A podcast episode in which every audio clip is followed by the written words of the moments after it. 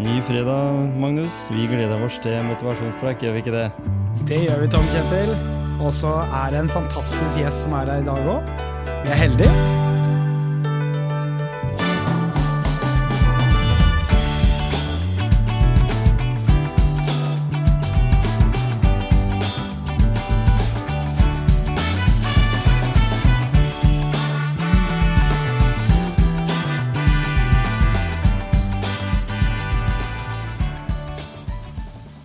I dag så har vi kommet da inn igjen i studio, og i dag har en som, som vi hadde besøk av i episoden nummer 102, fått lov til å komme tilbake, og det er rett og slett Så forrige gang så inviterte han seg sjøl, og i dag så har jeg invitert han, for nå syns jeg vi skulle prate litt om eh, Litt om den situasjonen vi er i. Eh, velkommen til motivasjonspreik, eh, Anders Saks. Takk, takk. Det, vi vi snakka mye om deg sist, og du fortalte litt om din bakgrunn i, fra Forsvaret, blant annet. Eh, og det ble en veldig motiverende og fin episode, husker jeg. Men nå hadde jeg lyst til å prate litt om eh, det som kanskje er eh, fokus hos nordmenn i dag. Da. Vi har jo vært liksom kanskje bygd ned Forsvaret vårt, og du har jo jobba med veteraner og, og andre som har vært i tjeneste i utlandet. Eh, men nå begynner liksom å folk å bli litt sånn De skal fylle vann og ha i kjelleren, og det skal liksom ha en form for beredskap. Mm. Eh, og det har det vel kanskje ikke vært i Norge siden den kalde krigen. Kanskje, kanskje ikke siden et, under annen verdenskrig, faktisk. Jeg tror det er lenge siden man har tenkt de tankene, og begynne også Ja, hva skjer hvis eh, hvis eh, strømmen forsvinner, hva skjer hvis veiene eh, blir sperret, eller ja. sånne ting. Det var jo en fremmed tanke for i hvert fall for min generasjon. Jeg er jo 40 år nå. Jeg kan ikke huske at vi tenkte på det. Hvis du går lenger tilbake, så vi, vi, har jeg hørt at pappa, som er rundt eh, noen og 60, Ja. han sier at de husker at læreren var eh, tydelig på at atomkrigen, den kommer hvert øyeblikk. Nå må dere, nå må dere skalke lukene her. Ja. Men da var det liksom som eh, Jeg husker pappa sa at ja ja, hvis atomkrigen kom, så bare utsletta han jo hele jorda. Så det var liksom Det var veldig pessimistisk, så det var det ikke nødvendig å gjøre noe, noen beredskap eh, på det. Men for å være litt alvorlig på det, så ser vi jo at uh, Ukraina-krigen har jo vist seg at uh, det første vi så, var jo noe som heter totalforsvaret. Eh, det var kanskje første gang man så at det sivile var med for å lage Molotov-cocktailer når russerne kom inn. Ja. Da så man plutselig jøss, den sivile har faktisk ganske stor og viktig betydning i et, eh, i et sånt forsvar av land. Mm. Og, li, og litt sånn som Norge var vel et sånt land eh, under annen verdenskrig med at altså folket eh, reagerte litt på samme måten som det ukrainerne gjør, gjør nå. Fordi vi alle gikk jo ut og forsvarte landet vårt, og vi skulle liksom med, med flagget på brystet på en måte eh, Ja, eh, drive gerilja, og vi skulle være vi var, vi var flinke til det liksom fordi vi kjente kanskje hver krik og krok av det området vi bodde i. Og da, da blir det ofte sånn at eh, en har du, du nevnte for meg her faktisk at vi, noen av heltene vi hadde fra annen verdenskrig, da. det er ikke så mange av de igjen.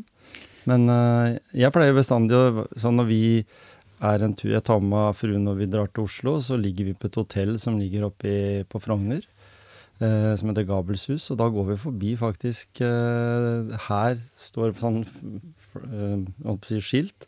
Her holdt Kompani Linge til. Mm.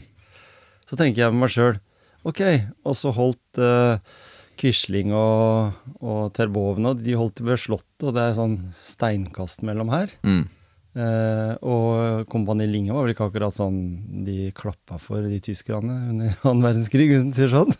Nei, og de, de gjorde motstand, de. Ja? Og jeg tenker jo, når du sier liksom motstandskampen, så- sånn som jeg har hørt eh, eldre, hvis vi følger foreldresporet her, da, så Mhm. var jo bestefar? Han var jo oppe i Noragutu og drev illegale aviser da han var åtte år. Ja. Eh, altså, alle gjorde en viss motstandskamp underveis. Mm. Men sånn som du sier nå, så døde jo en av våre siste gjenlevende Linge-soldater. Ja.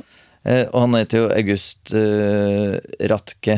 Eh, han heter faktisk August Petro Theodor Olsen Ratke, så det var ikke noe halvveis. Men han ble jo rekruttert inn i motstandskampen, og det tror jeg er litt viktig å, å noen ganger reflektere over. At han ble rekruttert inn nå 17 år gammel, Mm. og jobbet da illegalt eh, eh, inn eh, i noe som het Saborg, da, før han kom inn i Kompani Linge. Mm. Men han var, han var jo da en ung motstandsmann. Altså dette var unge menn Mm. som da gjorde sin, eh, sin eh, kamp. eh, Da, og da etter hvert gjennom regulære, altså man dro til England og fikk til opptrening osv., og, så videre, og så ble man Kompani Linge. Men de gjorde jo da eh, store sabotasjeoppdrag i, i eh, Norge mot tyskerne. Og så i ettertid så er det også det som har vært viktig, er at de fortalte historien om at de ikke må glemme. Mm. Men nå har vi mistet disse. Mm. Eh, Så nå er vi tilbake igjen. Og vi må ikke glemme hva som skjedde med oss Nei, for eh, 80 år siden. For nå kan vi bare lese om det, Mm. egentlig. Og det blir enda mer distansert.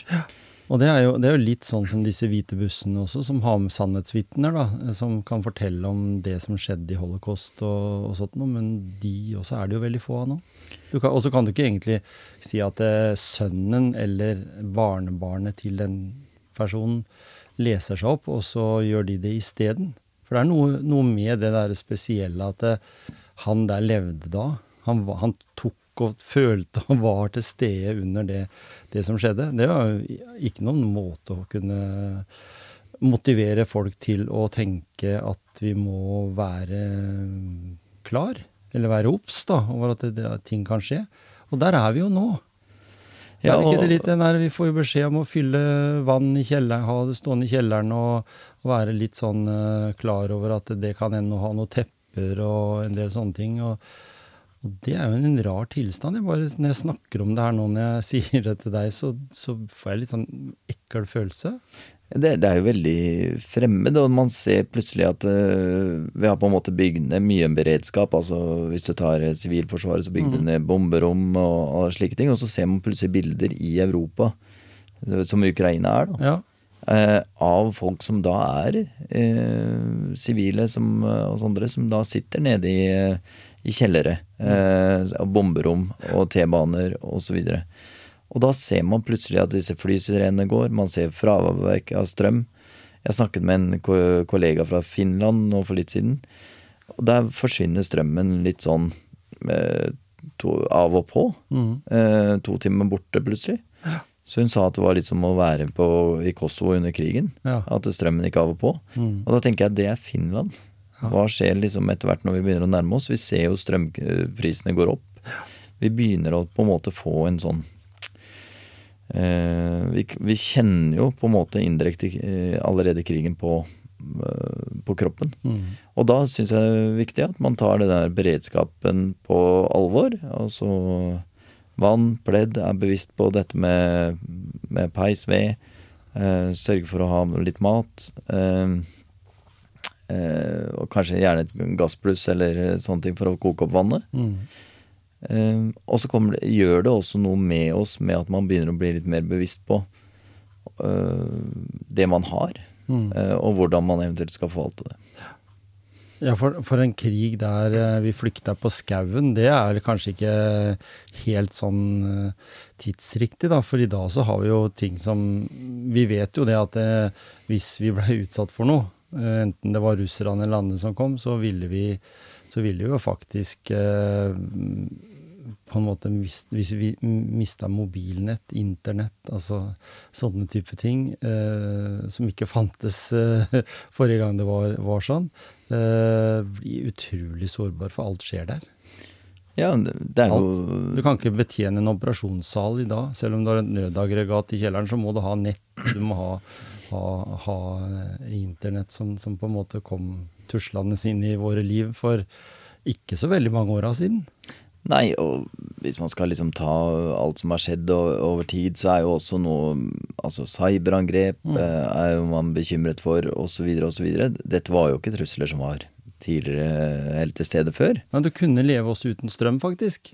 Under, under annen Kunne til og med ha hytte uten strøm. Ja, ikke sant? Du hadde parafinlampe, og så Ja, ja. kunne du fyre og hadde fyrstikker. Det var liksom, da var, eh, livet, da var det redda. Ja. Men det går ikke i dag.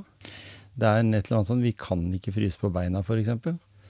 Nei, det, det er i hvert fall, Da må man nesten trenes opp. ikke sant? Det er Den nærheten til naturen og, og slike ting også er jo litt mer eh, fra øh, borte i forhold til hva det var før. Så jeg, jeg tenker jo at det, det Jeg syns øh, forsvarssjefen sa det veldig godt for, øh, i en sånn podkast for litt siden. at det, han ble spurt hva, hva tenker man man skal gjøre liksom nå framover, og da syns jeg han oppsummerte seg veldig fint. Det er at det, det er engelsk så heter det 'keep calm, carry on'. Altså bare slapp av, vi går videre. Men Forsvaret har jo gått opp i det som heter fase 1, altså at det er en, eh, en trussel der ute. Mm. Og så Det er hvor Forsvaret jobber da.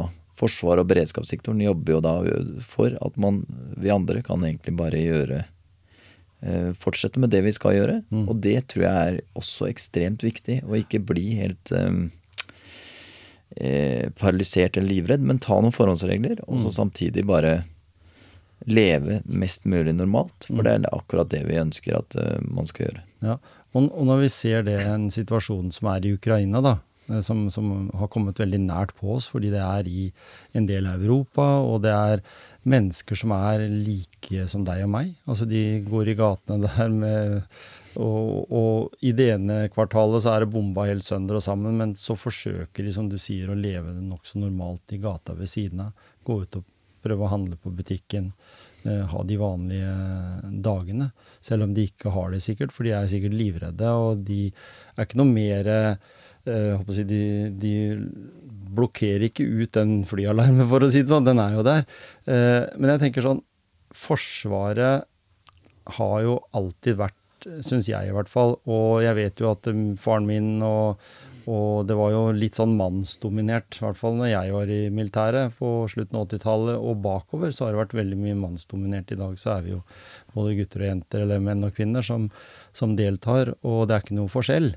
Eh, men sånn Forsvarets eh, motivasjon for eh, folket, da. Eh, du nevnte dette med bomberom. Eh, jeg vet at det, det fins ett bomberom for oss som bor her på Gjemsø. Og det er i kjelleren på Tambelund, oppe på Grottamoen. Mm. Eh, plass til 300 eller noe sånt. Og så bor det Jeg vet ikke hvor mye så mange som bor på Gjemsø, i hvert fall ikke 300, men det er tre-fire ganger mer. Så det er ganske og, og, og, noen bomberom som har vært, da, de er jo liksom blombert, hvis man kan si det på den måten. De er ikke der lenger. Eh, må vi begynne å grave fram disse, for dette var jo sånne tydelige areal som du kunne bak en ståldør eh, greie å være ved et f.eks. et bombeangrep eller et angrep med, med våpen, på en måte. eller det kom med sånn, men, men det er kanskje ikke sånn verden blir, hvis det blir en krig her. Helt på den måten. Det er jo tilbake til beredskapstankegangen. Altså, jeg tror øh, Sånn som jeg snakket med noen i DSB for litt siden, så er det jo Direktoratet for samfunnssikkerhet og beredskap, så er jo det at man, man kartlegger, da. Mm. Hvor mye har vi, hva har man kapasitet til, osv. Og, så videre, og så må man jo se det opp mot truslene. Jeg tror jo ikke at vi får eh, fly som kommer inn her eh, over Norge over natta, men det trodde vi heller ikke med Ukraina. Eh, så man må Det er lov å Noen må ta de vurderingene og tenke de tankene. Mm. Og så må man jobbe i kulissene, og så må vi vanlige mennesker Vi må gå på jobbene våre og gjøre de tingene som er, og ha tro til at faktisk at sikkerhet og beredskapsarbeidet blir ivaretatt. Og det føler jeg meg ganske det har jo blitt mye mer dagsaktuelt. altså Forsvaret har jo fått mer penger, sikkerhet og beredskap har fått mer penger. Nettopp for å begynne å kartlegge og se på planverket, for å se på hva har vi, hva har vi ikke. Eh, og så må vi andre i den eh, rammen da, som heter totalforsvarsrammen, som er sivile, må også ta sin eh, turn. da, Må også kunne være selvbergende, f.eks., med noen dager. Men, men jeg tenker, når, når du med din erfaring fra Forsvaret, og at du i, har den oppgaven du har også, da, snakke med eh, kolleger, tidligere kolleger og andre som, som, som også Dere prater sikkert om den, eh, den peilingen dere har på det med beredskap, det med eh, Mange av de er sikkert i Heimevernet, at de har utstyr klart og sånn. Eh, hva, hva, hva, hvordan en sånn konvensjonell krigføring som de har nede i Ukraina, da, med soldater som angriper hverandre med skytevåpen, og den ene har en, så har den en kanon, og så er det en annen som har en kanon, og så Jeg trodde faktisk, med min erfaring og interesse for krig, da, hvis jeg skal si det på den måten, at det ikke var en sånn type krig som kom til å komme i Europa. Jeg trodde det blei mye mer høyteknologisk. Det vi ser, er jo rett og slett at faren min han er sterkere enn faren din, på en måte. Litt sånn der vi bomber, og så skyter vi, og så tar vi en skole, og så tar vi et sykehus, og så En veldig feig krigføring, tenker jeg da. Men det var jo sånn det var også før, for det var det du hadde. Du hadde raketter, og du hadde gevær, og du hadde soldater som du liksom kunne få tak i eh, ganske, på ganske kort tid. Og så husker jeg, sånn som jeg har lest mye om tyskerne, så til slutt så hadde de jo ikke så veldig mye soldater, så da måtte de ha gamle, få gamle til å gå ut i krigen, og så måtte de få unger, altså barn. Eh, mens jeg trodde kanskje at en krig ville bli litt sånn som eh, hvis du ser amerikanske filmer og sånn, kommer en masse sånne droner, og så bare bom, bom, bom, bom, skyter ned. og det, det, er da kanskje sånn kombiløsning der, nede, men det vi ser, er jo de enorme ødeleggelsene som blir gjort av en, noen som kommer i en tanks, eller som kommer i type Ja, sånn, så, sånne våpen, da. Ja, og jeg kjenner jo ikke Jeg har ikke satt meg sånn kjempemye inn i selve kriget og krigshandlingen der nede, men, men, det er jo litt sånn som Man kan jo tegne opp linjene fra første verdenskrig. Altså ja. man sitter i skyttergraver øh, osv. Og, og hvis man tar det litt øh, og kjører helt opp til motsatt ende, sånn som vi snakker om, og sett på amerikanske filmer og andre mm. ting, så så man for seg at det nesten var laser fra satellitter i verdensrommet som ja, ja. Uh, hadde bare presisjon.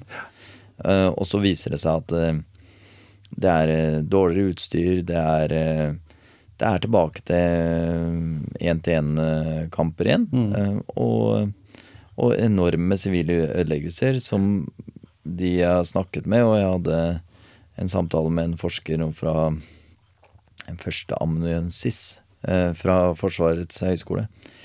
Og han kunne også trekke paralleller mellom Balkan og Bosnia. da Mm. Eh, så Bosnia også var en sånn uh, sivil beleiring, på en måte, som uh, skapte store sivile utfordringer. da. Ja, og voldsomme ødeleggelser og brudd på menneskerettigheter og, og sånn også, som, som en uh, dessverre måtte tenkt at hvis Norge ble involvert i det, så ville det også være en del av Norges hverdag, hvis du tenker sånn i en sånn krigssituasjon. da.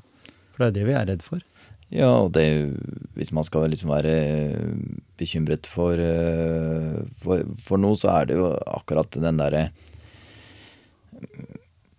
forferdelige angrepet på, på, det sivile. Altså når første nå, Så fort det ble kaldt ned i Ukraina, så kommer første bomba rett inn i et svært kraftanlegg eh, som slår ut strømmen. ikke sant? Det, det er jo det er jo ekkelt, og det blei også fordømt fra myndighetens side her i. Norge og overalt. At det er i teorien et angrep på det sivile. Mm. Uh, og det er uh, Nei, det er, det er det som gjør, gjør at vi må, må, tenke litt i de baner. At det er, det er ikke utenkelig nei. når man ser hvem som står på andre siden. Ja. Og nå vet jeg at det her kan du helt sikkert ikke si, komme med noe, noe svar på, men jeg snakka med en som er veldig opptatt av det å lese seg opp igjen historisk sett. da. Eh, han mente jo at dette her mest sannsynligvis var noe Putin hadde planlagt over veldig lang tid. At dette her ikke var bare sånn bestemmelse over middagsbordet en søndag formiddag, men at, at, de hadde laga ulike strategier i Russland over lang tid, helt tilbake til 2014. Mm. Ja, det, det, var det er mange år imellom her. Ja, ja. Ikke sant? Jeg, jeg, jeg, har ikke satt meg inn i så mye russisk historie. Det fins mange som er ja, ja. dyktigere på det. Men, men uh, veldig sånn tabloid, så, så, kan man jo se at da, det ser ut som et ønske om å ta tilbake Sovjetunionen og, og den biten der. Uh, det er det ene. Og, men også ha en buffersone mot Nato. Uh, så det er noen ganger at man må prøve å se litt med blikket demmes også. Hva er det de egentlig eh, Hva skjedde liksom før? Vi snakka om store luftvern eh, Vi skulle ringe oss inn med luftvernmissiler. Vi satt, prøvde også å få mm. mer og mer kontroll på ulike land. Og allerede i 2014, jeg mener det Hvorfor jeg er forsiktig, da, men så var det jo nesten snakk om at eh, Ukraina ble en del av Jeg jeg mener det var EU. Ja. Eh, og det blei jo rett før, så blei jo det endret, og så kom det en ny president inn som var russiskvennlig, osv. Så, videre. så eh, det er en eh, Jeg tror vi heller kan tenke litt sånn at det er en urolig eh, verden, og den, den, eh, det her vi kommer til å se, er jo at eh, når det er krig i Europa, og det er på vei til å bli kaldere, og eh, vi får økte strømpriser eh, og andre ting, så er det fint å tenke at vi nå tar et ordentlig runde på vårt planverk, og hvordan ser sikkerhet og beredskapen ut. Og da har jeg lyst til å spørre, eh, hva tenker du da, med din bakgrunn og erfaring, hva er det viktigste en eh, vanlig norsk husholdning i, bør ha? Vi nevnte litt i stad, men eh, det som er Det er nesten så jeg skulle satt opp en liste, men det, det, det ene som jeg tenker, er jo eh, eh, Det er jo vann. Vann er viktig. Eh, mm. Og hvorfor vann? Det, det kan både være fordi at man uh, har uh, Har eh, Plutselig så blir det, funker ikke nei. Altså det er et gammelt Forurens- ledningsnett, eller forurensning, forurensning, eller hva som helst eh, kan skje. Mm. Så det er jo det ene. Og så da, for å ha vann og for å lage mat og få i seg næring, så er det jo også viktig at du da har eh, ved. Mm. Ikke sant? At du har eh, eller gassbluss eller et eller annet som gjør at du kan gjøre det, og da må du ha kokekar òg. Mm. Eh, og så er det jo eh, at du også har gjort en liten tanke rundt dette med lys. Mm. Eh, hvis det blir helt mørkt, så er Hva tenker du med stearinlys? Noe batterilys? Eh, noe I dag så Lommelykta mi lades jo av strøm. Mm. Har du en lommelykt med batteri eller ikke? Og så er det at du, du har eh, litt sånn som du har kjørt over fjellet før, Hardangervidda, ja. så må du ha noen varme klær og kanskje pledd og en sovepose. Mm. Eh, I tilfelle, for forsvinner strømmen, så forsvinner varmen i huset òg. Mm. Eh, og så ønsker de jo også at eh, At du har gjort noen tanker rundt eh, At du har noen F.eks. en, en powerbank. At du, har noe som gjør at du i hvert fall kan være borte med bortfall av strøm i hvert fall to-tre dager. da Mm.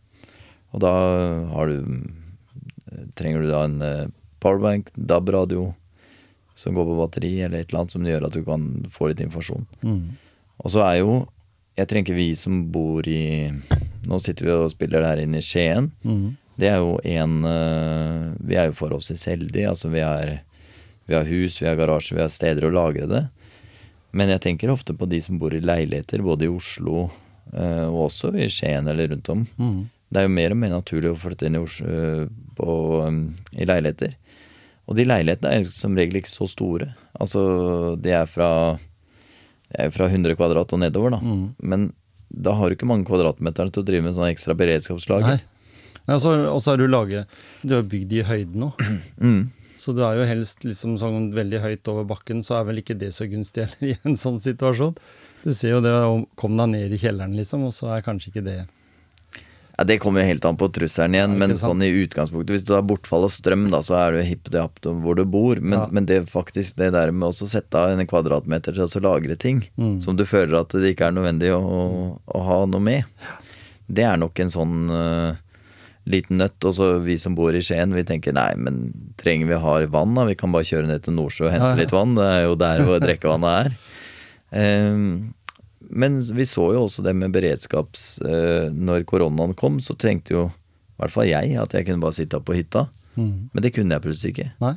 Ehm, så plutselig så er det jo Så kan det jo bli uh, ting som gjør at man ikke kan bevege seg så mye. Mm. Uh, og det er jo Det å ha et Jeg tror ikke man skal ha et eh, se nyhetene, lese VG hele tiden og, og virkelig sette seg inn i og bli helt eh, Helt eh, sånn superprepper på det her. Men jeg tror man skal ha et helt nøytralt, objektivt forhold. Dette Mm. sier myndighetene.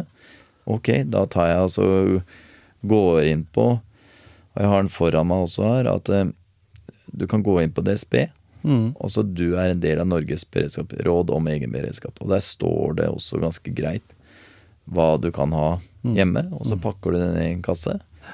Og så har du egentlig gjort en flott innsats Mm. eh, der nå. Ja, jeg tenker for, for, for min egen del så tenker jeg det ville vært stusslig å sitte inne i kjelleren her i flere dager. Uff, det er, altså bare, tenke, bare, bare jeg tenker på det, så tenker jeg at det der ville vært trist for eh, meg sjøl, for eh, mine barn og barnebarn, eh, og vært utsatt for noe sånt. Så jeg, vi, vi, får bare, vi får bare krysse alle fingrer og tær over at vi og det vet vi jo, at vi har myndigheter i Norge som bryr seg om at vi skal ha det bra. Eh, Selv om mange ikke føler at det tas hensyn til det, så er det jo bunn og grunn det som er greia. Det er bare at det har vært mange uforutsigbare parameter de siste tre åra, eh, Som har endra mye eh, for, for oss i Norge òg, som har det ganske komfortabelt, egentlig, med, med noen 12 000-13 000 milliarder på bok, så, så vil jo si de at de verdiene der de er jo borte på et blunk hvis eh, det blir noe sånn voldsomt. Men, men uansett så tenker jeg en må, må håpe på det. Det jeg har lyst til nå snakker, nå ble det mye sånn eh, krig og Ja, det ble veldig mye. Ja. Da, nå skal vi snakke litt om noe som jeg har eh, snakka med flere om, egentlig. Jeg har hatt eh, også besøk i studio. Jeg har vært, vært på og snakka med bl.a. Cato Zahl Pedersen, og vi snakka litt om dette her med Forsvaret som institusjon, hvordan den har blitt i 2022. eh, I forhold til hvordan den var på 1980-tallet, når jeg var i militæret, da, og, og tida du, når du var i militæret og sånt noe. Så, så har det endra seg dramatisk. For i dag så er kanskje det norske forsvaret en sånn luksusgreie. Altså noen fåtall personer blir plukka ut, og noen kommer gjennom nåløyet for å være med. Mens eh, når jeg var i militæret, så måtte alle. Det var liksom sånn eh, De telte øyne og, og armer og bein og sånn. Hadde du det du skulle ha der, så, så var det inn uansett om Du var aldri så mye eh, pålagt pasifist, eller hva man skal si. Altså, jeg, skal, jeg skal i hvert fall ikke militæret, for jeg skyter, vil ikke ta i våpen eller ja, noen ting. Liksom, du kunne ha noen sånne holdning, men det hjalp ikke. Du, alle skulle gjennom det nåløyet. Og, og når vi har snakka litt om dette, og det skal vi også få lov til å snakke om her, så, så tenker jeg hva med eh, norsk Det er jo noe som heter verneplikt. Vi har også førstegangstjeneste. Eh, det var obligatorisk eh, fra 1. januar 1997, både for gutter og jenter. Men allikevel så har jeg lyst til å eh, lese opp det som står da, som Forsvaret har skrevet som står på nettet. At det er tre grunner for å slippe militæret i dag. Det er hvis du er toppidrettsutøver, eh, hvis du er pasifist, eller problem med helsa. Og den problemet med helsa syns jeg virker liksom, den kan jo være ganske brei. Da. Det er jo faktisk sånn at har du ADHD, har du diabetes, har du en del sånne sykdommer som du egentlig kan greie deg ganske greit med i hverdagen, eh, så kommer du ikke inn. Mm. ADHD f.eks., som, som kanskje altså, sier at ja, faen, noen av de dyktigste personene i Forsvaret, det er jo folk med ADHD, for det er jo de som har liksom skapt nysgjerrigheten og dette med å kanskje uh, styre et forsvar, da. Tenk på mange befal som jeg kjenner, som jeg tror garantert har det, hvis du, hvis du går ut fra de enkle elementene ADHD viser til. Kreativitet, eh, nysgjerrighet, eh, evnen til å, planlegge Altså de har ulike sånne faktorer som, som er naturlig i, i diagnoseverden. Eh, hva skulle man gjort uten? En, hva skulle man gjort uten en Masberger på lager, sier jeg. Orden på utrustninga. det er jo litt sånn. Og i det dag så skal vi helst ikke ha de med. Og jeg, vet, jeg prøvde å finne ut av det, hva som kunne være årsaken. Det står ikke noe konkret hvorfor de har valgt å Og hvis du krysser av der, liksom, på det feltet der, så da blir du ikke innkalt. Det har jo blitt eh, Nå husker jeg ikke tallene sånn øh, nøyaktig, da, men øh, nummer én så har jo Forsvaret blitt mindre eh, enn det det var før. Det er det ene. Det andre er at da tar man inn eh, færre òg. Mm. Og så tror jeg det er Jeg mener at det var en femtedel av de som søkte seg inn, eh, kommer inn. Mm. Vi får ta de tallene litt sånn Gjøre det litt enkelt, Ja, men si det. Det betyr jo at det er ikke så mange som kommer inn per år. Og da behøver du ikke ha så veldig mye utfordringer For hvorfor skal du ta inn han med ADHD Nei.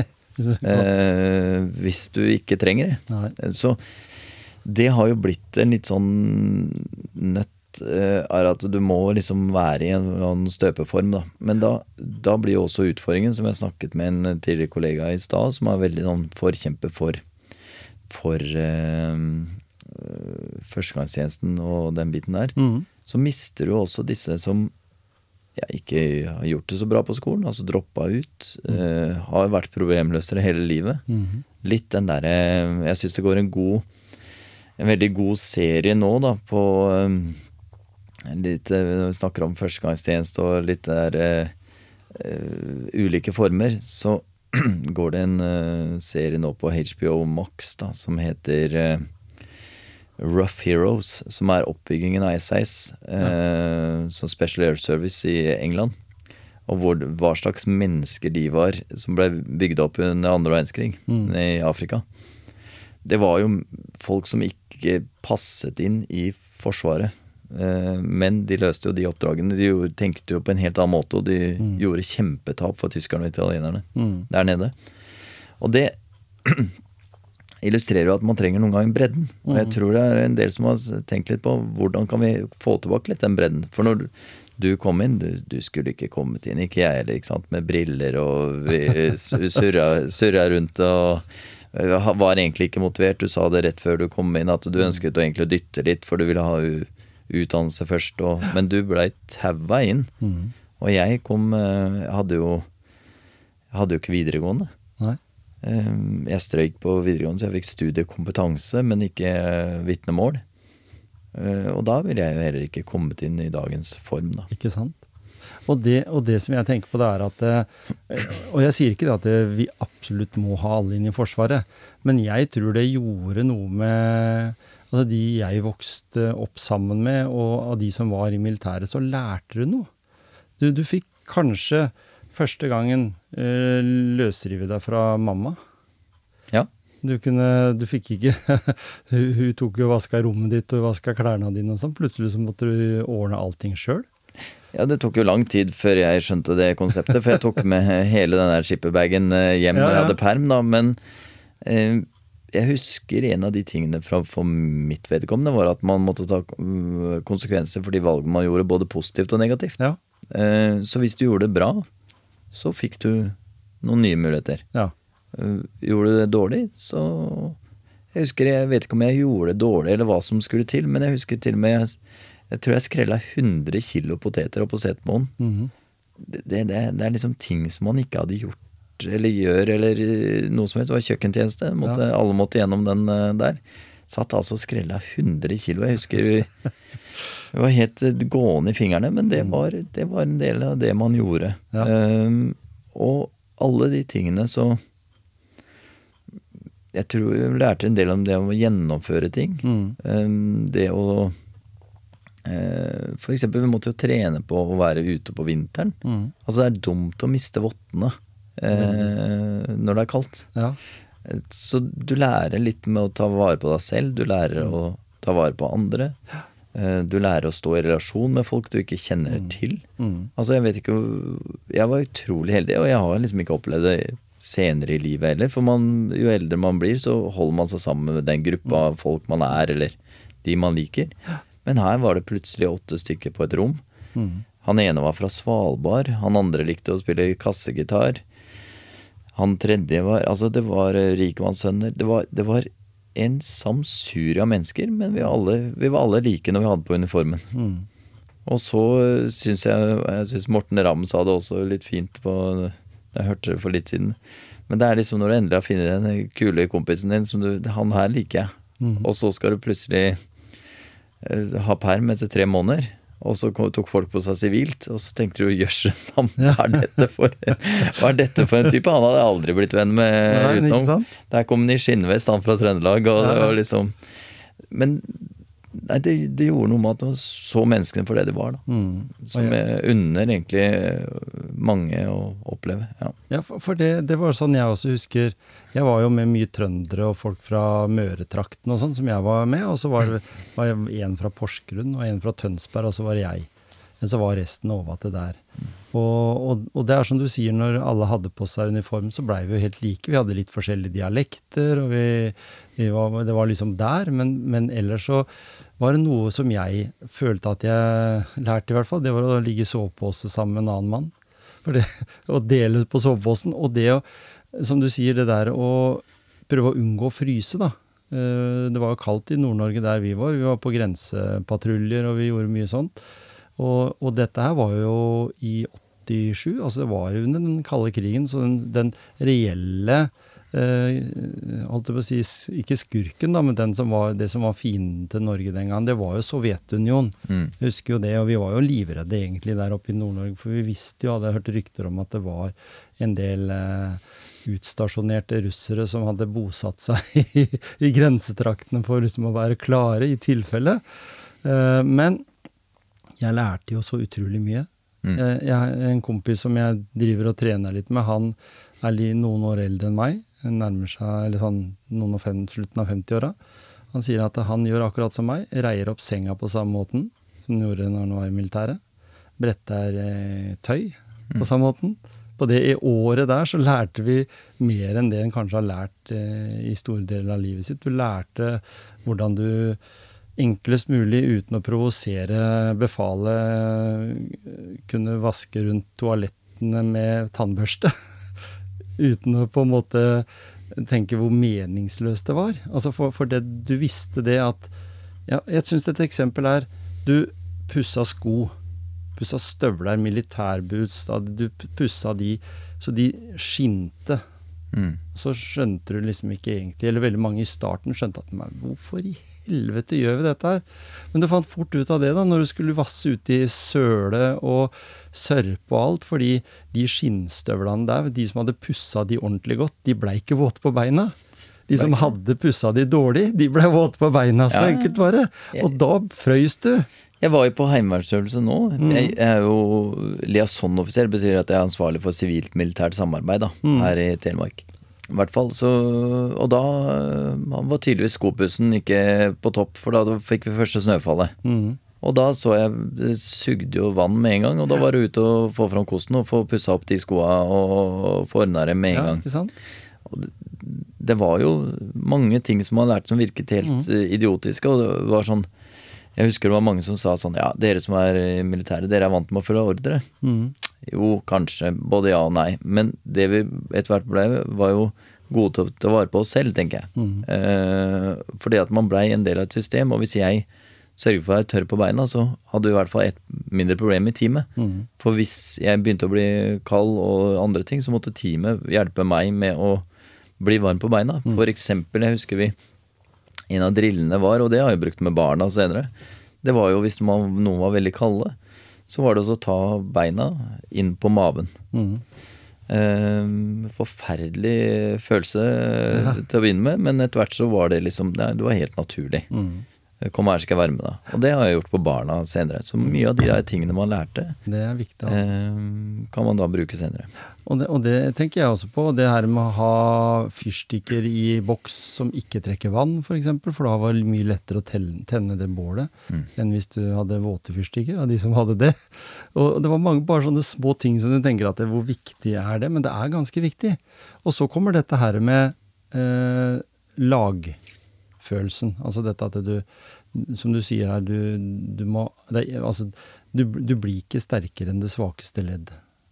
Altså den personen som på en måte Jeg husker var veldig, vi, vi lærte I det kanonlaget jeg var i, så lærte vi å skade motstanderen.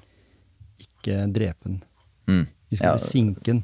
Det var liksom, For da var det fire andre som måtte bære båra og sånn. Ikke sant? Ja. Og det var en sånn greie som på en måte vi, jeg tenkte det hver eneste gang vi er ute på øvelse, at eh, er det det som blir min oppgave, da? Å skyte en sprenggranat uh, i huet på noen, sånn at, eller over huet på noen, sånn at de ble mest mulig skada. Uh, ikke nødvendigvis drepe. Og, og det var jo det. Så enkelt var det, og det husker jeg befalet sa, at det er din oppgave. Det er dette laget her sin oppgave. Dette er denne troppen, for vi var kanontropp. Mm. Eh, og, så måtte vi være tro til de oppgavene hvis vi syntes det var stusslig. Så vi hadde jo ikke noe valg. Vi måtte gjøre det beste vi kunne ut av det. Og det, det, det blei på en måte, for meg i hvert fall, det blei en lærdom. Og jeg, jeg syns dette her er eh, Jeg hadde en, noen som var veldig nært. Vi var et lag, vi var jo tre stykker. Vi, vi sov og spiste sammen, og vi spilte kort og yatzy. Og vi, vi hjalp hverandre når vi skulle ha med utrustningen ut på øvelser, når alarmen gikk, og når vi skulle på grensevakt. Vi fikk et kjempenært forhold. Og så dimma vi. Og så var vi jo spredt, vi tre bare. Vi var jo spredt for tre forskjellige områder i, i Norge. Så jeg har jo ikke sett de. Men det, det må jeg jo si, at uh, så fikk jeg en melding for tre uker siden. Fire uker. Han som jeg da var tettest på, han som, lå, som jeg delte liksom køya med, han uh, Da fikk jeg en melding fra kona hans. Og hun hadde forsøkt å finne meg fordi jeg hadde hatt så betydning for mannen hennes. Han hadde alltid snakka om Han var jo like gammel, han var ett år yngre enn meg, mm. Da 54. Og han hadde dødd i kreft. Mm. Bare noen, en uke før det her, da, som hun kontakta meg. Jeg syns jo det var veldig trist. Og en veldig ålreit gutt. Og, og han, hun sier at det, eh, han hadde prata om det helt siden hun traff han. Mm. Om den tida i militæret. Mm de menneskene som han da hadde vært sammen med, blant annet meg, da, og det vi hadde gjort sammen. Han var god i skiskyting, husker jeg. Han konkurrerte litt i det. Og, det var, og de var aktive skiløpere. Det var oppe i Nordmøre han kom fra. Mm. Så jeg, jeg, følte liksom det var sånn, litt sånn lei greie, liksom. Vi greide aldri å treffe hverandre i det sivile liv. Vi var bare sammen et år i militæret. Mm. og, det, og, det, er veldig Å tenke på hvor mye det hadde å si. Jeg, det er snart 40 år siden mm. jeg var der. Og enda så sto det så sterkt. Og for han òg. Så fikk jeg noen bilder av hun kona da, som hadde tatt bilder. For jeg, faren min hadde laga noen sånn cruise som det sto KPB. Eh, kompani. Cannon Killer kalte vi oss for. Med sånn logo som vi lagde. da. Og den koppen, den har jo ikke jeg lenger. Eh, men faren min hadde fått laga de på porselen. Og alle de som var med i den troppen, de hadde fått hver sin. Og, jeg, og han hadde tatt vare på den. Mm. Så da tenker jeg, da sto det veldig sterkt, hele den det hele det laget der. For vi blei jo så sinnssykt godt kjent med hverandre. Jeg blei så godt kjent med de gutta at jeg la om dialekten, til og med. For det var liksom Jeg kom jo fra Grenland, ja, ja. og de syntes jo det var forferdelig morsom dialekt. Mens jeg syntes jo trønderne hadde en veldig morsom dialekt. Og mm. så, og så la vi om. og og jeg husker spesielt denne her eh, lagspiriten. De, noen av de der var vant til å drive med jakt. Jeg hadde jo ikke vært på jakt, så, men jeg lærte utrolig mye om våpen. Mm. Eh, hvordan Altså, det, en ting jeg lærte, var å ikke bruke for mye rødfis på øvelse, for da får du et helvete så mye vaskejobb på det der børsa når du er ferdig. Det greide ikke jeg å tenke at det var lurt. Det visste de, fordi de hadde sikkert både hagler og, og det som var hjemme. Så de visste det at eh, nei, jeg slipper det, liksom. Så kan vi bare late som i kriga, da, for det gjorde vi jo allikevel. Men, men, uansett så var i hvert fall hele denne her uh, greia Vi blei testa både fysisk og psykisk. Uh, hvis det var en som sleit litt i gruppa, så tok vi oss an.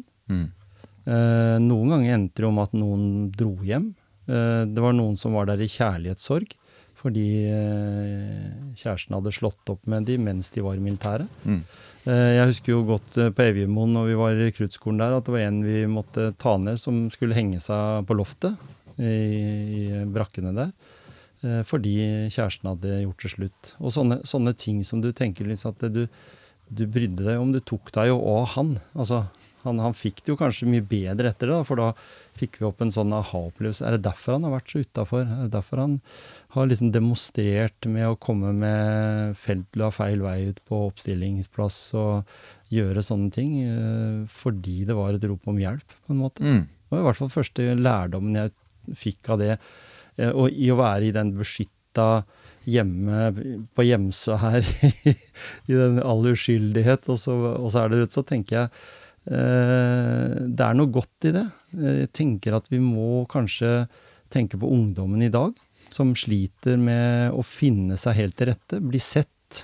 Ja, og det fører jo oss egentlig over, litt over til um, Jeg snakka så vidt med Jon Hammersmark, uh, som er Kompani Lauritzen. Mm fordi at Du nevnte jo Cato Zahl Pedersen og Jon Hammersmark. De er jo med Ja. også i en sånn gjeng inne i Oslo som jeg er sammen med, som heter Neste steg, da, som er en sånn mm. overgang uh, toppidrett sivilt og Ja. overtatt militært sivilt. Og en av de tingene som jeg syns kommer litt eh, fram eh, der også, er jo de små mestringsgledene.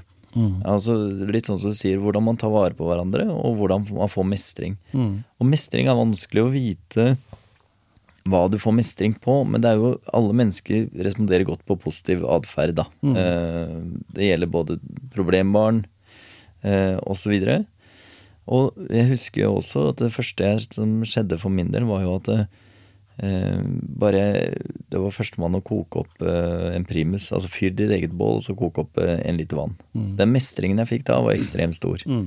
Og det er jo mange som sier nå at Kompani Lauritzen eh, den eh, sesongen nå, med folk som ønsker en endring, Mm. eh, er veldig, veldig er, er en bra serie, da. Så man skulle ønske at det var mer av det. Mm. Og det er jo en måte å få en sånn pause fra hverdagen på en måte, inn i noe viktig. Mm. Du er altså en viktig brikke i det norske forsvar, og du gjør noe større enn deg selv. Mm. Og så i tillegg så får du mestringsoppgaver. Jeg klarte å pusse skoene. Jeg klarte å tenne på bålet. Jeg klarte å være en del av gruppa. Jeg klarte å gå så langt med sekk. Jeg klarte det ene og så andre. Så får du fra hverandre børsa eller agen som vi hadde, da, og sett den sammen igjen. Ja, du, du, du, etter hvert så gjørs, Jeg klarer mye mer enn det jeg tror, og du får også ekstremt mye ansvar. Mm. Eh, på veldig tidlig eh, fase. Ja. Tidlig alder, tidlig greie. I dag må du nesten ha master for å få disse eh, ansvarsoppgavene som en del av de andre har. Som i en alder av 23 år er logistikkansvarlig for eh, en hel båt. ikke sant? Ja, ja. Eh, det er ganske store ansvarsoppgaver. Mm. Um, og jeg syns at det, det der var Jeg syns det er veldig fint. Og så er det viktig å være bevisst på hva slags egenskaper er det. Og hvordan kan man da forvalte det eller kameratskapet på ettertid? For det, det som du sier, sånn rent for for det fellesskapet og den eh, gjengen dere hadde. Noen hadde mer utfordringer, andre hadde mindre utfordringer. Alle var mennesker. Mm. Um, og det jeg jobber med, som er jo ansvarlig for kameratstøtte, er jo å sørge for å ha de treffpunktene sånn at folk kan treffes hverandre. Mm. For den makkeren du hadde som døde i kreft, så, hadde, så var det, hadde det vært viktig å treffe deg. Mm. Eller, og når det ikke var det, så var det i hvert fall tilgjengelig for kona hans. Ja, ikke sant? Og kunne gi han noen historier eller noen opplevelser. Eller i Mm. hvert fall bare en anerkjennelse av at ja, det var, han var en fin fyr. Ikke sant? Um, og det jeg, jeg, unner ganske mange å få lov til å oppleve å komme inn i Forsvaret og, og ehm, kunne påvirke egen atferd. Mm. For hvis du har kommet skeivt ut på startblokka nå, da, på, nøyere idretten i skoler og andre steder, så, så er det en fin sted for oss å komme tilbake og se at du er ganske mye ressurs, altså. Mm. Og, og det, det jeg tenker på alle de elementene der, er jeg absolutt 100% enig med deg. Og så tenker jeg den Jeg tenker kontrasten Mm. mellom belønning og straff. Altså, et samfunn vi vokser opp i da, så er det eh, veldig lett å bli krenka. Det er veldig lett å, å føle seg utafor, eh, ikke bli sett. Det er sånne elementer som, som jeg ikke Jeg husker ikke at vi tenkte på det i gata engang når vi vokste opp. Eh, Fordi det var så naturlig at hvis du ville treffe en kompis eller fler, så traff du de, enten bare du heiv deg på sykkelen, og så sykla du bort på det som vi kalte lekeplassen, eller der på Løkka, da. Mm. Der var det alltid noen. Det kunne være alltid fra én til ti. Mm. Og det, det var alltid folk, og det var, det var bare på natta du ikke traff noen. Og du, du hadde sikkert truffet noen da òg, hvis du hadde vært ute, men, men det var liksom sånn. Det var alltid noen, og du blei sett. og du eh, Noen eh, som jeg har snakka med, som følte at de kanskje ikke hadde det så greit. Eh, men det går an å leve med det likevel. For det var ikke så altså Det var kanskje snøballkasting og litt kryning og litt sånn uskyldig moro, da, hvis en kan si det sånn. Mm. Så var det jo selvsagt noen som ikke hadde det så bra. Hvis en var litt overvektig, så, så kunne en bli mobba, som det het. Alle fikk vi vel buksevann og sånn av de store gutta på, siden jeg gikk på skole. Hjemmeskolen var jo barne- og ungdomsskole i samme skolen. Det var helt forferdelig, egentlig, å tenke på den aldersforskjellen som var mellom førsteklassingene på sju år og, og de som da skulle gå ut som 14-15-åringer. Men i hvert fall kontrasten. Dette at du måtte akseptere at du hadde gjort en feil. Du hadde ikke eh, reid opp senga di ordentlig, eller du, det var sand og grus under, under køyesenga. Eh, og da måtte du vaske om igjen. Mm. Og hvis ikke du fikk det, så fikk alle straff. Alle på rommet. Det var felles. liksom felles eh, Og det ville sagt Fy søren, så urettferdig, jeg gjorde jo det jobben. Men det hjelper så lite, fordi det er sammen alle, det må, gjelder. alle måtte være i samme båt uansett. Ikke sant? Ja. Og det, det elementet der, det blir fraværende i samfunnet i dag, når alt er så komfortabelt. Eh, en har liksom sydd puter under armene på ungene, for å si det sånn. Det var sånn de sa før, i hvert fall. Ja, det er ikke sikkert at de, de sier en god ting i, i Forsvaret i dag da, som jeg syns er fint, som jeg ønsker å videreføre. og sånn, og Det er Mm. jo nettopp det at eh, to er én, mm. mens én er ingen. Ja? Og det syns jeg er en fin tanke. Vi er flokkdyr. Mm. Vi er avhengig av det. Mm.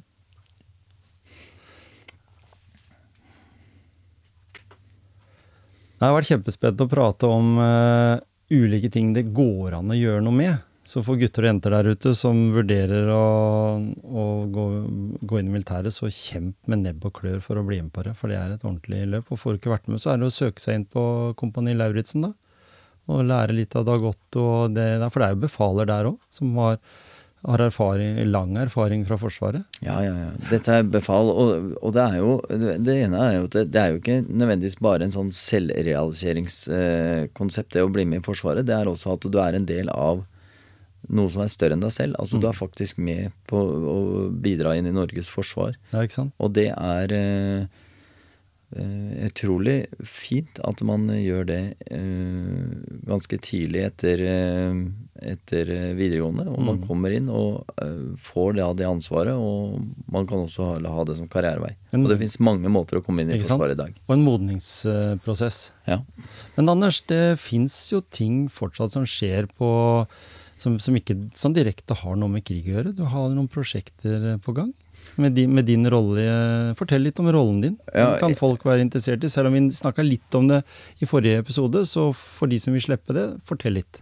Ja, veldig kort. Så jeg jobber jo i en veteranorganisasjon. Mm. Eh, og med veteranorganisasjon så er jo det de som har eh, vært i Forsvaret, og så vært eh, ute eh, på oppdrag. eh, Det kan være i Balkan, Afghanistan. eh, Mm. eh, på oppdrag for Norge. Nå er jo også eh, det er sånn at da har man eh, i ettertid så har man fått eh, veldig nære kameratbånd, som Mm. eh, du snakket om. Og da er jeg ansvarlig for det som heter kameratstøtte. Altså at man er eh, viderefører eh, treffpunkter for å eh, både se hverandre og ivareta de som har vært ute. Mm. Eh, så et av prosjektene nå som jeg syns er spennende, som kommer fra Norges veteranforbund eh, avdeling Vestfold, det er at eh, vi skal ha tre instruktører. Eh, vi hadde en gjeng som gikk over Grønlandsisen i fjor. Mm. Eh, og så har vi, er vi tre instruktører. Så det er meg og en som heter Steinar og en som heter Thomas. Som har med seg da en gjeng som ønsker en form for livsendring. Mm.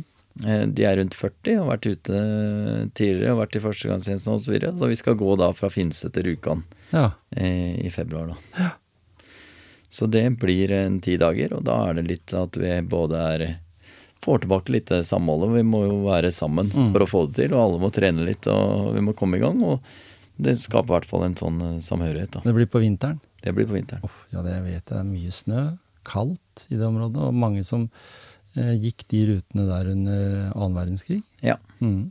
Og ganske For de som ikke har lest andre verdenskrig-historie og sett på den flukten fra tungtvann, f.eks. Mm. Altså De skiturene de gutta gikk med det utstyret de hadde, det er helt ekstremt. Ja, ikke sant? Og, og det, ja, det sier noe om de menneskene som gjorde det også. Mm. Det de brant for. Det, det var en enorm eh, interesse for å gjøre det beste en kunne for landet. Det var jo litt sånn. Ja, De ja. hadde flagget på brøstet, sånn som de sier i fotballverdenen. da. Eh, noe nytt? Noen andre ting som du tenker du kunne få fram?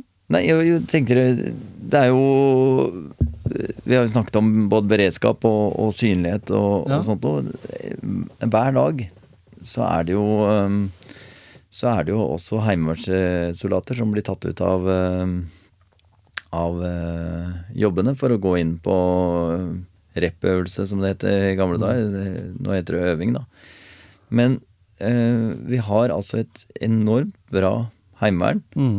Eh, jeg har vært så heldig at jeg har fått lov til å være i alle mulige avdelinger i Heimevernet. Jeg har vært i det som heter innsatsstyrken, jeg har vært i Heimevernets spesialavdeling før det ble lagt ned. eh, Som nå er eh, integrert til en del av eh, Heimevernets innsatsstyrke. Mm. Og så har jeg vært i det som er områdestrukturen som jeg er i i dag, da. Mm. Eh, og i den forbindelse så er det jo eh, noe som heter uniform på jobben-dagen. Som er en sånn Det er liksom 6. desember så oppfordres da alle i Heimevernet til å bruke uniform på sin arbeidsplass eller studiested. Mm. Og det er for å skape både stolthet og anerkjennelse for innsatsen som de legger ned, og vise hvor viktig HV er for den lokale beredskapen i alle lands kommuner. Mm. Altså, jeg sitter jo i beredskapsråd med kommunene i området her også. Mm. Eh, Og, og du, kom, du hadde med deg uniform i studio. Ha med uniformen Ja, i studio, siden det er eh, 6. desember, Ja, det så kan du se da. på bildene. Men det er eh, et, et, Jeg syns det er viktig at vi anerkjenner det. Altså, Mm. vi glemmer litt hvem heimevernssoldaten er i dag. Før så, så hadde man sikkert et annet bilde, men eh, Jeg skal, skal ikke ta opp hva de bildene er, eller hva de reppene var osv., men i dag så sender vi altså heimevernssoldater til England for å trene opp ukrainere. Mm. Så da er vi tilbake der vi startet. De skal faktisk være uh, på oppdrag i England for å trene opp uh, de som skal i fronten i Ukraina. Mm. Eh, Vi har heimevernssoldater som akkurat avsluttet at de sto på Kårstø, oppe i uh, oljeanlegget der oppe. Eller olje- og gassanlegget, da. Mm. Eh, og vi hadde jo heimevernssoldater som sto på grensa hele pandemien. Eh, så Heimevernet blir både brukt, og eh, vi eh, skal være ekstremt takknemlige for den Mm. innsatsen både befal og mannskap gjør eh, hver dag. Så, så har, jeg, har jeg lov å si da at hvis du har en, et lite ønske om å fortsette å være i militæret, men få det mye tettere på, så, så er Heimevernet en løsning der du har beholdt de elementene som man lærer i ved å være i f.eks. førstegangstjeneste eller mer. Eh, og så kan videreføre det. Jeg vet om mange av de som, som jeg eh, Ikke nødvendigvis akkurat de, men mange av de valgte å bli heimevernssoldat fordi de sa at det er mye lettere å få liksom den uka fri fra jobben en gang i året, enn å få den Sånn som for meg, da, som ikke var med der, så kunne det være flere uker du var ute på rep. Mm. Da mente noen av, noen av Jeg blei jo egentlig aldri innkalt, fordi jeg var litt sånn avstand fra kanontropp og hit, så det var sikkert for dyrt for å frakte meg fra Skien til eh, Nord-Norge eller hvor det måtte være. Men jeg blei i hvert fall aldri Jeg husker jeg søkte en gang eh, for å slippe, for da hadde jeg akkurat begynt i ny jobb, og det var helt greit. Og da fikk jeg i det brevet, så sto det nederst at Men det blei med den ene gangen, for neste gang måtte jeg regne med å komme inn. Mm. Blei aldri innkalt igjen. Nei. Så jeg har aldri vært på rep engang. Fy søren, jeg føler jo det som en sånn eh, et tap av et eller annet her i livet. Faren min kunne jo snakke om de rep-øvelsene, og mange jeg har hørt om sier at det var liksom en stor eh, greie da, å treffe folk igjen. Men det var som vi sa her tidligere, jeg traff jo veldig få av de, eller ikke noen av de jeg var i militæret igjen etterpå, på grunn av at ikke jeg var innkalt da. Ja, og i ettertid så var det jo for meg så har det jo Jeg har jo sagt det, jeg tror jeg sa det tidligere, men jeg kan si det igjen, at det, Heimevernet, når jeg gikk inn i Heimevernet igjen, Mhm. så var jo det på mange måter min veteranorganisasjon sånn sett det første jeg ble Ja. interessert med. Fordi at jeg fikk jo anerkjennelse for det jeg kunne fra Forsvaret. Mhm. Og jeg var på vei til å få en sivil identitet, da. Og jeg må også skryte veldig av de som er inne i dag. Jeg, jeg, jeg synes at eh, eh, Heimevernet og Heimevernssoldaten eh, gjør en utrolig god jobb. Og det er jo sånn Det er jo ikke alle som tenker ja, det her passa perfekt å være borte en uke nå eh, og gjøre det her. Eh, men summen er at alle de som kommer inn, Mm. de sier ok, nå er vi her en uke. Vi gjør det beste ut av det. Ja. Og det syns jeg står stor respekt for. Mm. Og så er sikkert regelverket litt eh, mer lempelig i dag, da. Hvis, du, hvis en tenker til forhold til det var. Det er, det er nok akkurat Jeg samme. har hørt om noen som kjører hjem fra øvelsen, liksom hjem for å være, sove i egen seng og sånn. Det, om, det er, eh, jeg spurte hvordan kan man eh, gjøre Heimevernet altså mer standardisert, da. Mm. Og da sa de på HV-skolen Dombås at det, det er 250 forskjellige meninger om hvordan områdene skal gjøres. Og det er 250 områder. Ja, ikke sant? Så det er eh, Det er nok noe med at det er eh, Sjefene får også mye makt i forhold Mm. til hvordan de kan gjøre ting. Og man har ulike roller og ulike oppgaver. Og kanskje han skulle på rekommendasjon eller han Ja, skulle ja. på noen møter. Ikke sant? Men som regel så, mm, så eh, gjør i hvert fall folk så godt de kan på Mm. de øvelsene som Og når, og når du sier det at en får eh, muligheten til å lære opp soldater, f.eks. soldater som skal inn i krigen i Ukraina, da, så, så har jo en, en noen, et verdigrunnlag og en evne til å påvirke uh, såpass mye. Og du, det er jo ikke hvem som helst som får sånne ansvarsoppgaver. Du må jo være litt dedikert. Ja, det var, det var en god del som søkte. Jeg tror det var over 1000 søkere eller noe sånt de hadde, Ja. som søkte på det. Men? Det er eh, Og det var heimevernssoldater. Mm. Og det viser hvor mye bra som bor i heimevernssoldaten, Mm. og de er fra hele landet. Og vi må ikke skvise det mye mer. Det må, det må, vi trenger det i tillegg til det vanlige forsvaret, egentlig. Absolutt. For det er en totalpakka som, som Norge kan bidra med. Ja. Vi kunne ha snakka mye om dette, og det har vært helt toppers å få Nå ble jeg litt roligere, Anders, for nå tenker jeg liksom at nå behøver jeg å ha den dunken med vann, og jeg skal ha noen real turmat, og jeg skal ha primusen klar. Eh, men jeg skal, ikke, jeg skal ikke sitte nede i kjelleren der på en campingstol og vente at det skjer noe, for vi er vel ganske Vi har ganske god beredskap i Norge sånn i utgangspunktet. Vi har eh, dyktige ledelser der som, som vet eh, når det må økes noe i beredskap. Og så er det jo rett bortpå Gjemseskolen her, så er det jo flyalarm. Så da vet jeg liksom at da, da må jeg bare lære meg litt om hva som er forskjellen, da. Ja. Det er, eh, Og kanskje det er SMS-er også, ja, ikke sant. Jeg tror nok det. Vi får nok heller en tekstmelding så lenge det mobile nettet er oppe og går. Nei, så man skal ikke trene seg på å Nei. lide. Det, det er litt sånn tilbake til førstegangstjenesten. Vi skulle Før skulle vi trene på å fryse. Eh, man har liksom nesten bretta opp uniformen fram til november, og da bretta ned Ja, ja. i november. Men eh, du tre, man trenger ikke å trene på å ha det vondt. Eh, da må det komme noe ut av det. Og jeg tenker for alle som er her, og det er fint at du sitter igjen med den samme følelsen. Slapp av, nyt kaffekoppen, gå Mm. tur med hunden eller deg selv, eller gjør det du skal, møte opp på jobb osv., og, så videre, og ikke, ikke grave seg ned i eh, at man er kjemperedd. Men eh, hvis man er bekymret eller andre ting, så er det da tilbake igjen det vi snakket om til starten igjen. Da er det å snakke med noen, Mm. og da er det å være sammen som en eh, sammen med flokken i en eller annen form, og si at det her syns jeg er litt vanskelig. Jeg vil si at jeg vil ha med en god motivasjon. At det er en god motivasjon, og, og, en, og det å motivere andre til å senke skuldrene og roe seg ned. Ja. Mm. Da fikk vi med litt motivasjon på, helt på slutten òg. Selv om vi har snakka litt mellom linjene her om det, så syns jeg det er veldig bra. Jeg, også jeg har fått noen sånne Kommer til nå når du drar herfra, så kommer jeg til å bla i gamle bilder jeg fra jeg var i militæret. Bare for å mimre litt. Ja, Da kan du mimre litt. Og skal du ha en siste sånn over motivasjonspep, så var det sånn ene tidligere kollegaen min fra Heimevernet, han sa ja ja, det er ikke så mye jeg får gjort med krigen i Ukraina, men det jeg i hvert fall kan gjøre noe med, det er å være i god form. Ja, ikke sant? Så han skulle være i, i hvert fall i god form hvis noe skjedde. Mm. Det høres ut som en bra avslutning. Takk, eh, Anders, for at du tok turen i Motivasjonspreikstudio. Selv takk.